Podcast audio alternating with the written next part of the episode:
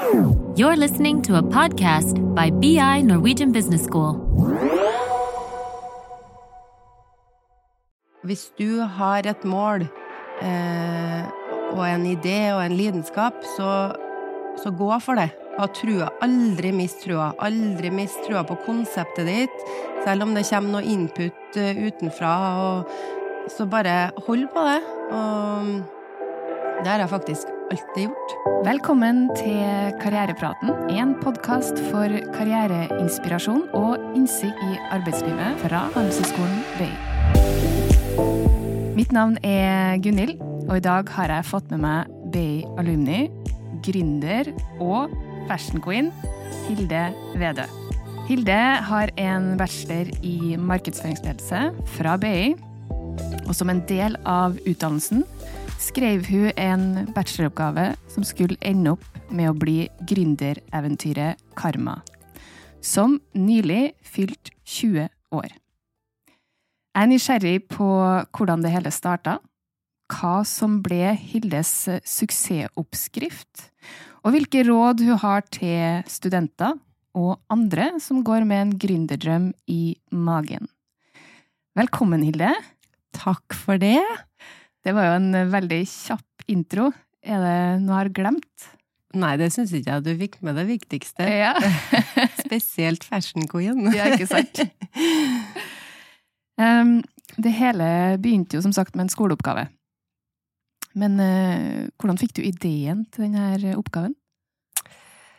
Altså, jeg må jo bare si at uh, siden jeg er født, så har jeg leika butikk. Så butikk tror jeg det har blitt uansett. Uh, det med klær og interessen og lidenskapen for klær, den kom kanskje i tenårene. Uh, og utviklet seg egentlig bare mer og mer. Jeg kommer jo fra en gründerfamilie, uh, og mamma hadde jo butikk, så jeg har jo på en måte vært med på hele reisen både til mamma og pappa.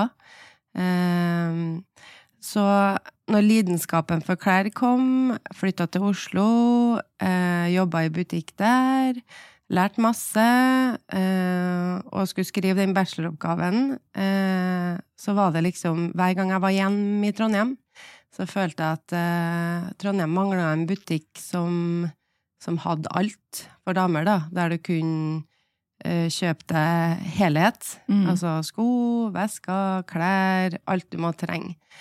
Eh, så fant jeg ut at det hadde jeg lyst til å skrive om, og så fikk jeg med meg ei venninne, og så, og så av en eller annen grunn så het faktisk oppgaven Karma, da. Ja. Så eh, artig å se tilbake på når man har eh, lagt ned litt arbeid for å reise frem og tilbake, var i intervju med masse kjøpmenn. Um, og så var det jo én kjøpmann som ringte meg i etterkant og sa at du må åpne butikk, og det Mm. må du bare gjøre nå. Mm. Det er et lokal i byen som er ledig. um, jeg må tenke litt, da.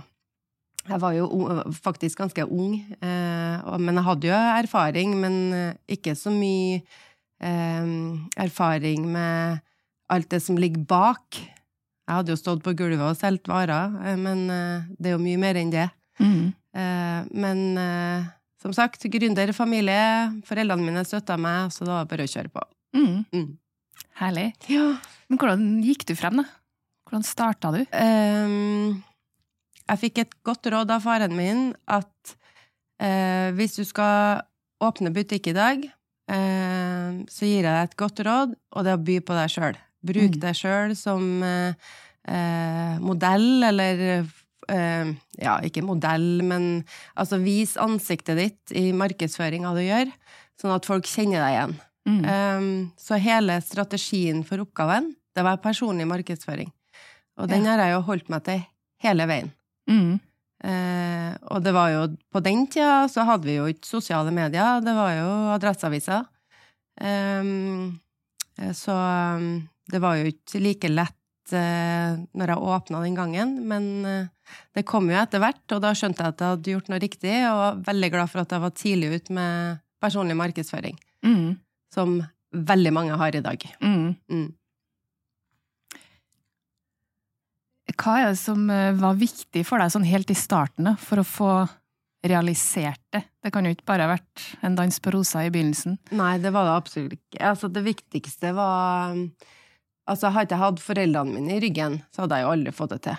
Jeg var jo ung, jeg hadde jo ikke noe penger til å starte med, og det er jo ikke bare å gå i banken og si at du, jeg skal starte butikk, har du et lån? Um, så jeg var heldig og fikk låne penger hjemmefra. Um, og det Det Akkurat det med det økonomiske, det er veldig viktig når du starter opp spesielt butikk. Det er dyrt. Mm. Det er kjempedyrt. Um, så i begynnelsen så var det egentlig det med økonomi, og så var det det å begynne å source Altså hvordan skal konseptet være? Og det hadde jeg jo egentlig skrevet i oppgaven. Det skulle jo være eh, klær, sko, vesker, alt. Og så var det liksom å begynne å finne ut hvordan merker man skulle ha, og alt det der. Men eh, til syvende og sist så er den pengesekken der, den var veldig viktig i begynnelsen. Mm. Mm. Og den har jo på en måte vært viktig, en viktig støtte i mange år, for det tar jo noen år før man er oppe og går og får, uh, får uh, noe annet enn røde tall, for å si det sånn. Det var jo noen år med røde tall. Ja, ikke sant. Mm. Altså, unge gründere bør ha en investor, eller litt kapital. Det anbefales, ja, vil jeg si. Mm. Altså, det er jo ikke sikkert du lykkes med en gang. Og hvis du har uh, lidenskapen og trua på det du skal få til, så er det viktig at det er noen som støtter deg, eller du har et støtteapparat med deg, Mm. som kan hjelpe deg i vanskelige, vanskelige tider. Mm. Ikke sant? Du har tidligere sagt at uh, du var jo egentlig litt for ung Mm. til å starte opp. Hva ligger det i det?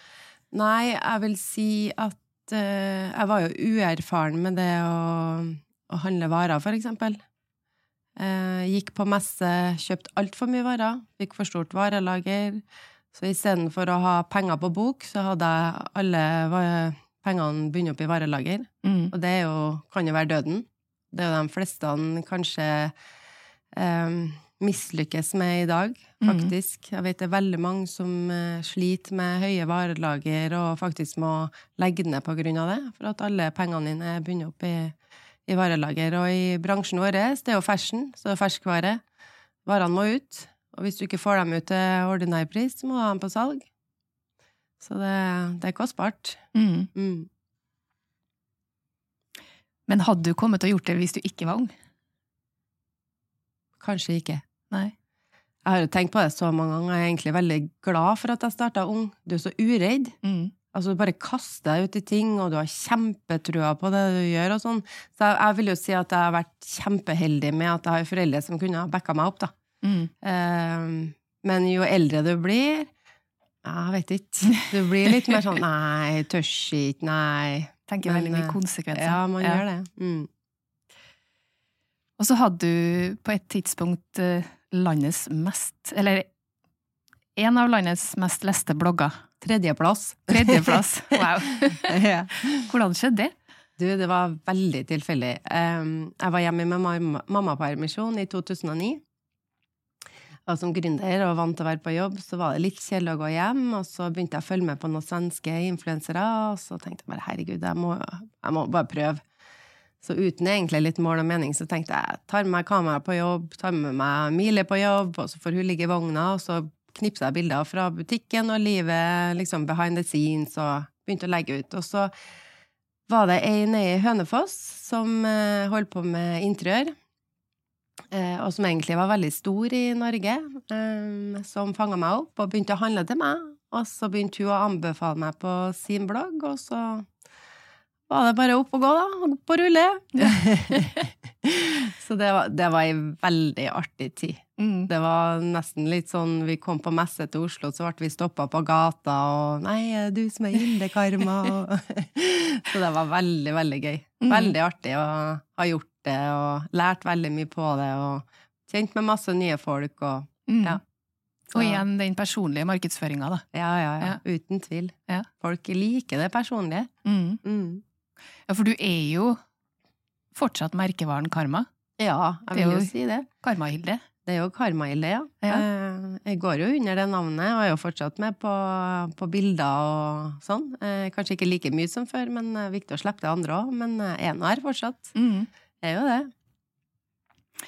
Ja, for nå eh, Nå hopper jeg litt, men eh, du starta jo tidlig, som du sier, med Det litt sånn Kall det unorsk, da. Mm, Og bruke deg sjøl som modell. Mm. Sånn som du sier nå, mm, anbefalt uh, fra faren din. mm. Kjente du noen gang på janteloven her? Fikk du noen reaksjoner? Ja, masse. Ja. Masse. Eh, Så fikk jeg ett eh, godt råd av faren min. Du tar på deg skylappene, og så må du bare stå i det. Mm. Altså, du må aldri eh, høre på hva folk sier. Du må ha trua på det du holder på med, og så eh, ikke bry deg. Mm. Um, og det har jeg prøvd å gjøre hele veien. Og som jeg sier, hvis jeg skulle ha hørt på hva folk har sagt, så har jeg aldri vært der jeg har vært i dag. Nei. Nei. Nei, for det er også en ting um, En av kvalitetene jeg vet at andre medgründere og venner deg beundrer veldig, Mm. er jo evnen din til å i hvert fall tilsynelatende ikke la ting gå inn på deg. Mm. Men er det noe du har øvd på? Du har tatt et bevisst valg? Um, Eller har du alltid vært sånn? Nei, jeg, hva skal jeg si? Jeg tror gjennom hele oppveksten min, og heldigvis er jeg vokst opp på den tida jeg vokste opp på.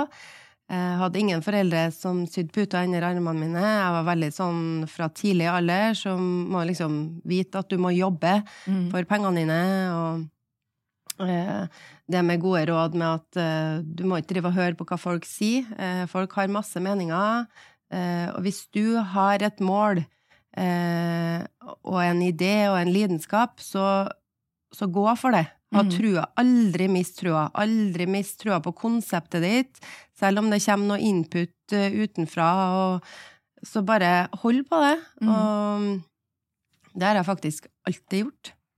Samme hvor mye dritt man har fått rundt omkring og på sida, så må jeg liksom bare Nei, jeg vet at dette skal jeg få til, dette skal jeg gjøre, og eh, bånn gass. Mm. Ja. Det må jo koste litt. Det og- koster litt, ja. Ja. Det har vært eh, mye slit og tårer. Mm. Det, det har det. Um, det er ikke bare bare når du står der alene og skal liksom eh, altså Jeg føler jo at du skal bevise noe, Mm. eh, og så vil du jo gjerne få det til.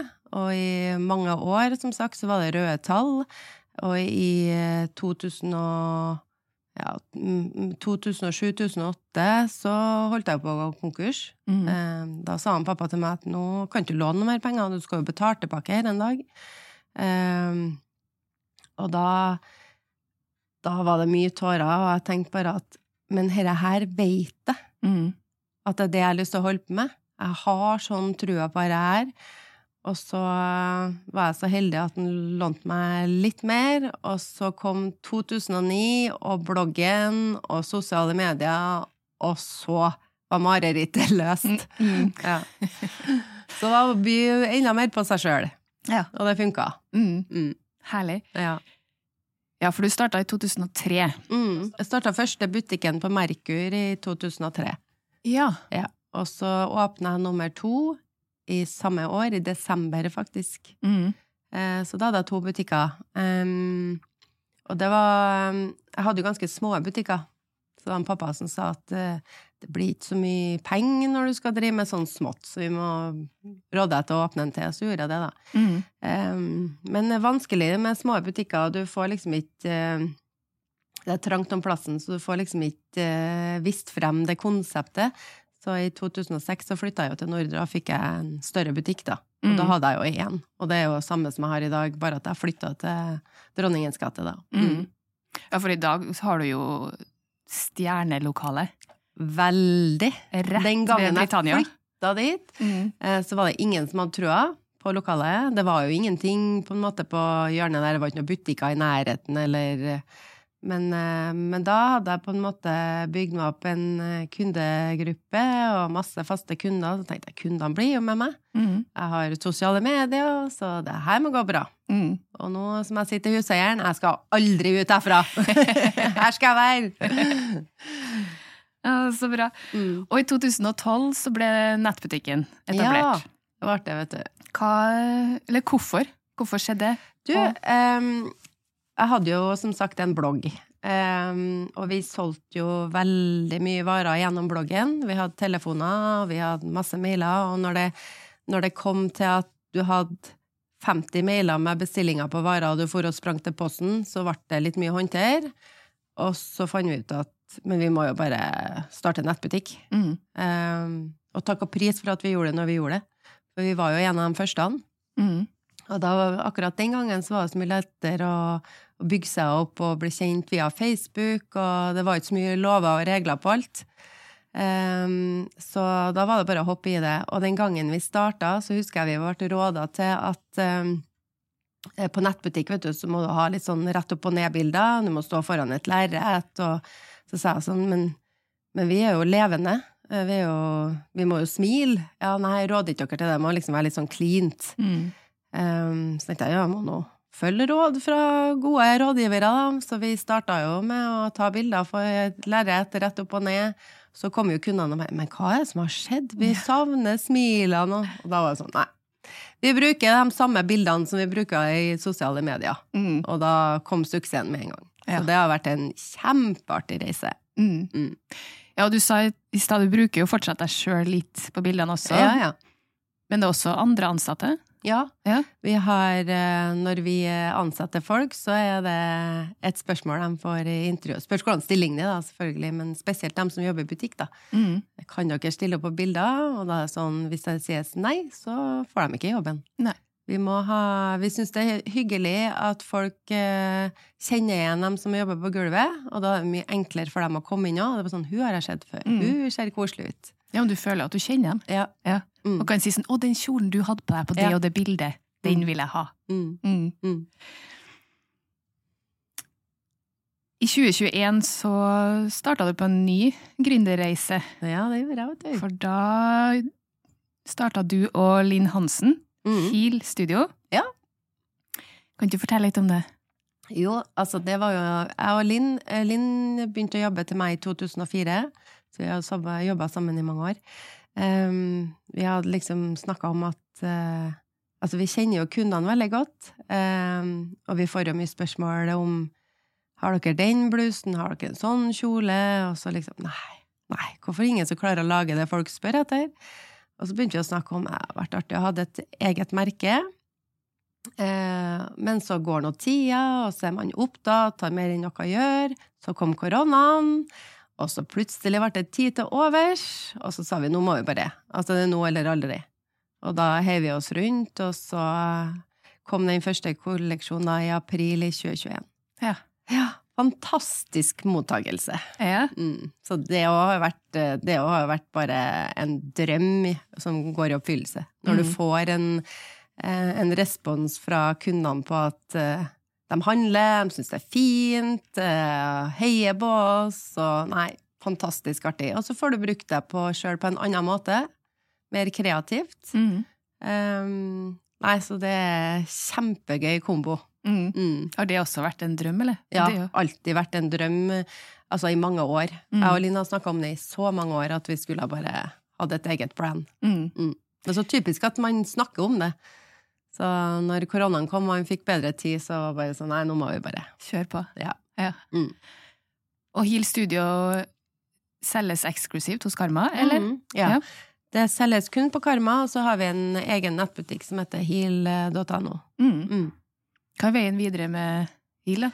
Der skal vi bare fortsette å bli enda bedre på det vi gjør, og lage det kundene vil ha. Mhm. Um, vi, f- hva skal jeg si, vi følger ikke så mye trender. Uh, følger trender på fargene, men vi lager klassiske wardrobe winners, som vi kaller det, som, eh, som skal være tidløs og bærekraftig, som du har i skapet i mange år, som du blir glad i. Um, så det med trender som kommer og går, det er jo litt sånn Det slår an der og da, og så er du ferdig med det, og så legger du det bort. Mm. Mens vi ønsker å lage klær som du blir glad i det og har i skapet for alltid. Mm. Ja. Ja, dere har jo blitt uh, kjendisdesignere òg. ja, veldig gøy. Vi har vært veldig heldige der. Vi har jo ikke gjort noe. Altså, dette HIL er jo venstrehåndsarbeidet vårt på bakrommet. Vi har jo Mm. begge to han 100 dedikert til karma. Så det er jo veldig gøy når eh, stylisten til Lindmo ringer oss og bare Du, jeg har oppdaga et nytt merke. Her, her må vi få kjøpt. Mm. Så veldig gøy å ha med hun på laget, da. Og Ja. hun kjøper jo klærne, det er jo ingenting som er sponsa eller noe. Så, men hun har lagt sin elsk på HIL, så det er gøy, da. Vet du. Ja. Og Sissel Kyrkjebø sto på julekonsert, og Nei, så det er veldig artig. Du må bli litt sånn ekstra Ja, varm om er hjertet. Ja, faktisk. Alltid gøy når du ser på TV, eller generelt noen går i gata, eller whatever, med Heal Studio. Mm. Ja. Veldig koselig. Så bra. Ja. Vi var litt innpå det i stad. Det kan være et inntrykk jeg har, så du retter meg hvis jeg tar feil. Men noen ganger så virker det som om kanskje spesielt kvinnelige gründere har lov til å ha en viss suksess, men hvis du kommer over det, så havner du gjerne litt sånn under lupen til både tradisjonelt media, på sosiale medier. Finnes det et, kall det et glasstak for akseptabel suksess for gründere, og da spesielt kvinnelige gründere? Ja, det er akkurat det jeg syns er litt vanskelig, men jeg syns jo at samfunnet har åpna mer for at det er plass til oss. Mm. Um, men jeg føler at vi blir De følger med oss. Um, men jeg føler òg at uh, med tida så blir vi mer heia frem nå, noen gang mer enn før. Mm. Eh, og så tror jeg det er viktig at vi kvinnelige gründere tør å stå for det vi mener, og eh, ja, tar opp kampen med gutta, rett og slett. Mm. Eh, så jeg føler ikke at eh, jeg, føler, jeg har i hvert fall aldri hørt, følt på det, faktisk. Så bra. Ja. ehm, akkurat snarta med janteloven og alt det der, men det er jo litt sånn rykte på byen. Mm. Eh, men jeg føler liksom at eh, jeg har blitt heia frem både av kvinner og menn, skulle jeg si. Mm. Så Men jeg føler at, eh, at det er mye mer akseptabelt nå enn tidligere. Mm. At, eh, at det er kvinnelige gründere og ledere ute i, ute i samfunnet, skulle jeg si. Mm. Mm. Ja, men det er jo bra. Ja. Det lover jo bra for andre ja, det gjør jo det. gründere. Ja. Hva har vært eh, viktigst for deg da, de siste 20 årene? Oi. um, For å klare det du har gjort, da? Nei, det er gode medarbeidere. Mm. Uten tvil. Uten dem så har jeg aldri klart det. Um, I begynnelsen så er man jo verdensmester sjøl, som jeg pleier å kalle det. Ehm, eh, du er jo vant til å jobbe 16 timer om dagen og Mm. bare stå på døgnet rundt, og så kanskje ikke du stoler helt i begynnelsen på dem som jobber til deg, men du lærer etter hvert at du har ikke sjans til å kunne klare alt sjøl, eh, og kanskje så, så møter du folk på veien som er bedre enn deg på visse ting òg. La dem slippe til, la dem få komme til, la dem bidra. Så jeg, uten medarbeiderne har, så har jeg aldri vært der i dag. Så jeg er evig takknemlig. Mm. Mm. Dem er man veldig avhengig av. Ja. Bygge opp en god, et godt team og en god organisasjon som funker bra sammen. Mm. Good teamwork. Good teamwork. Mm. Viktig med å rekruttere riktig òg, da. Ja, veldig viktig. Og det, jo, det kan jo være vanskelig til tider, det. Men eh, det har gått veldig bra. Så godt fornøyd. Så bra. er det noen høydepunkter da, gjennom de 20 årene du har lyst til å trekke frem? Um, ja, eh, det er jo spesielt Tiårsjubileet uh, uh, til Karma var jo et høydepunkt. Bare det å bli ti år um, var jo veldig hyggelig. I tillegg til at uh, jeg inviterte 200 gjester, altså kunder, familie, og så eh, gifta jeg meg på den Mhm. festen. Surprise! Så, ja, surprise! Så det var veldig hyggelig. Og jeg har jo kunder den dag i dag som tenker liksom, eller kommer innover inn at jeg var i bryllupet ditt. Mm. Så det var, det var ekstra stas.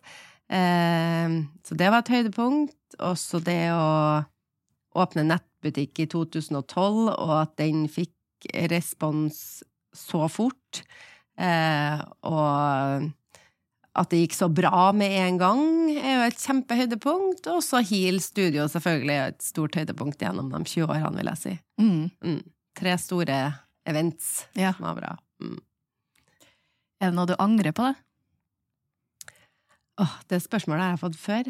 Um, og jeg kan ikke si egentlig at jeg angrer på så mye. Jeg har vært så uredd. Uh, aldri tatt meg sjøl høytidelig og bare kasta meg ut i alt. Al alltid på en måte Eller aldri vært redd for å prøve noe nytt. Så jeg kan ikke si at jeg har uh, angra på noe, egentlig, som jeg har hørt opp igjennom.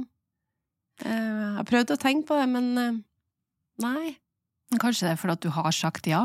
Man angrer gjerne på det man ikke har gjort. Ja, selvfølgelig, men jeg har på en måte, det er jo som du sier, jeg, har, jeg er et ja-menneske og sier ja til det meste, og Mhm. hiver meg ut i ting, så det er ikke noe jeg tenker på at åh, enn at jeg ikke gjorde det. Mm. Det har jeg ingen følelse på. Nei. Nei. så bra. Mm. Men du sier ja, du er jo et ja-menneske. Eh, hvis man sier ja til alt, så blir det jo fort veldig mye. Ja, det gjør det. Hvordan har du klart å balansere det her med jobb, karriere mot familie? Du, det har egentlig gått veldig bra. Eh, som sagt, jeg kommer fra en gründerfamilie og har lært meg at eh, du må bare inkludere familien i businessen. Mm. Så har vi vært veldig heldige med at vi har hatt besteforeldre på begge sider, tanter og onkler som har stilt opp. Eh, og så har jeg hatt en mann som eh, har hatt en åtte til fire-jobb. Eh, så det har gått veldig bra. Altså, Emilie var med på første messa når jeg var tre uker gammel. Ja. Eh, lå i vogna på bakrommet, og det gjorde Julie òg. Mm. Så Nei, det har ikke vært noe problem i hele tatt. De, altså, hun største jobber jo til meg i dag, både i butikk og nettbutikk. Hun minste har jo begynt å søke på jobb til meg nå. hun er 14. Så um, nei, det er viktig å ta dem med på reisen. Inkludere dem i alt du gjør. Ja. Da går det bra. Ja, Mm. så bra. Ja. Kjenner de til å følge i dine fotspor, da, tror du? Det vet ikke jeg. Jeg skal ikke tvinge dem til noe, men begge to har noe interesse for klær og mote og sånn, og så vil det vise seg. Hun største er jo 18 nå og er snart ferdig på videregående, så, um, så det vil nå vise seg hvordan retninga velger å gå etter hvert, da. Mm. Um, du snakker jo, har jo hørt han nevnt BI, og det er jo oppfordrer jeg til å gjøre. Så bra. gå der sjøl. Så nei, det blir spennende å se. Ingen tvang, men jeg håper jo at, eh, at om ikke begge to eller én av dem følger Mm. mor sine fotspor, da. Ja, sant. Mm. Hva, kjenner, eller, hva tenker du kjennetegner en vellykka gründer? Hvilke egenskaper bør man ha da? Eh, først og fremst så tror jeg det er viktig at du lidens, har lidenskapen, og at du er motivert for det du skal drive med. Og så må du være villig til å legge ned mange arbeidstimer. Eh, eh, du må jobbe hardt og ta risikoer eh, for å oppnå suksess. Eh, og så er det viktig å være kreativ og tenke utafor boksen. Finne innovative løsninger på problemer. Eh, og så må du være flink til å samarbeide, bygge et sterkt nettverk. Eh, evnen til å lære av feil og tilpasse seg endringer er jo avgjørende. Eh, så er det viktig å ha en klar visjon, da. Eh, og kommunisere den visjonen til andre. Mm. Det tror jeg kanskje er det viktigste Mm. egenskapene. Ikke være redd for å si hva du vil. Mm. Det, det er veldig viktig. Mm. Mm. Ja, for det er jo Mange er jo redd for å si hva de vil, for at de også er redd for at andre skal ta ideen sin. Mm. Bør man bare Nei, det har jeg aldri vært redd for. Nei. Og det, jeg har vært åpen om ideene mine helt siden jeg starta. mm. Og så det å være nysgjerrig på andre, spør og grev hvis det er noe du ikke vet. Altså, spør og grev. Mm. Det er alltid noen som gir deg noen gode råd, eller vil hjelpe deg på veien. Mm. Det må jeg også si at det, det er veldig bra når du, når du starter for deg sjøl, at, eh, at du sparer med noen og har litt gode rådgivere rundt deg som du kan spørre hvis det er noe Mm. man lurer på. Ikke sant? Ja. Hvilke mål har du for uh, fremtida, da? Oi! Mm. Stort spørsmål. Stort spørsmål. Nei, nå skal jeg videre mm, Selvfølgelig videreutvikle Heal Studio. Og så ønsker jeg jo at eh, Karma skal, spesielt karma.no, skal bli eh, Norges største nettbutikk for damer på nett. nett. Eh, og så er det mange som spør liksom, skal ikke åpne i andre byer, og det har jo vært en drøm lenge. lenge. Men så har jeg fått noe råd om at eh, det er vanskelig å klare det samme i andre byer der du ikke er sjøl. Mm. Eh, og hvis jeg kan bli størst på nett i Norge, så alle, vet, alle damer vet hva karma.no er, Mm. så føler jeg at jeg har kommet et godt stykke på veien. Og så vil de på Karma, så får de nå komme til Trondheim, da. Mm. Mm. Um, men målet mitt er det, og så holder jeg på å utvikle en litt ny idé. Av en eller annen grunn så blir vi gründere aldri ferdige med gründerlivet. Så jeg har eh, Det kommer til å skje noe nytt på Karma i 2024. Så spennende. Mm. Skal ikke si så mye om det, men Nei. det, det blir spennende. Mm. Mm. Ja, men da er det bare å komme til Trondheim, kom på Karma. Ja, Ja. det er det faktisk. Alle må det. Ja. Spesielt damer, da. Ja. Men mannfolk er også velkommen. Ja, selvfølgelig. Vi har mange faste mannfolk som kommer og kjøper gaver, og det er like hyggelig hver gang. Ja. Ja. Helt uh, avslutningsvis, har du noen tips til studenter og andre som eh, drømmer om å bli gründer? Ja, absolutt. Um, altså, har du en idé og en lidenskap for noe, altså, kast deg ut i det. Vær uredd. Har du trua på noe, jobbe hardt. Um, altså, gjør det bare. Mm. Altså, og så følg magefølelsen din. Følg magefølelsen din. Mm. Um, så har man en drøm, eh, og er 100% sikker på at det er det du vil holde på med resten av livet, do it. Herlig. Herlig. Tusen, tusen takk for at du kom i dag, Hilde. Bare hyggelig. Veldig koselig å være her. Takk for meg.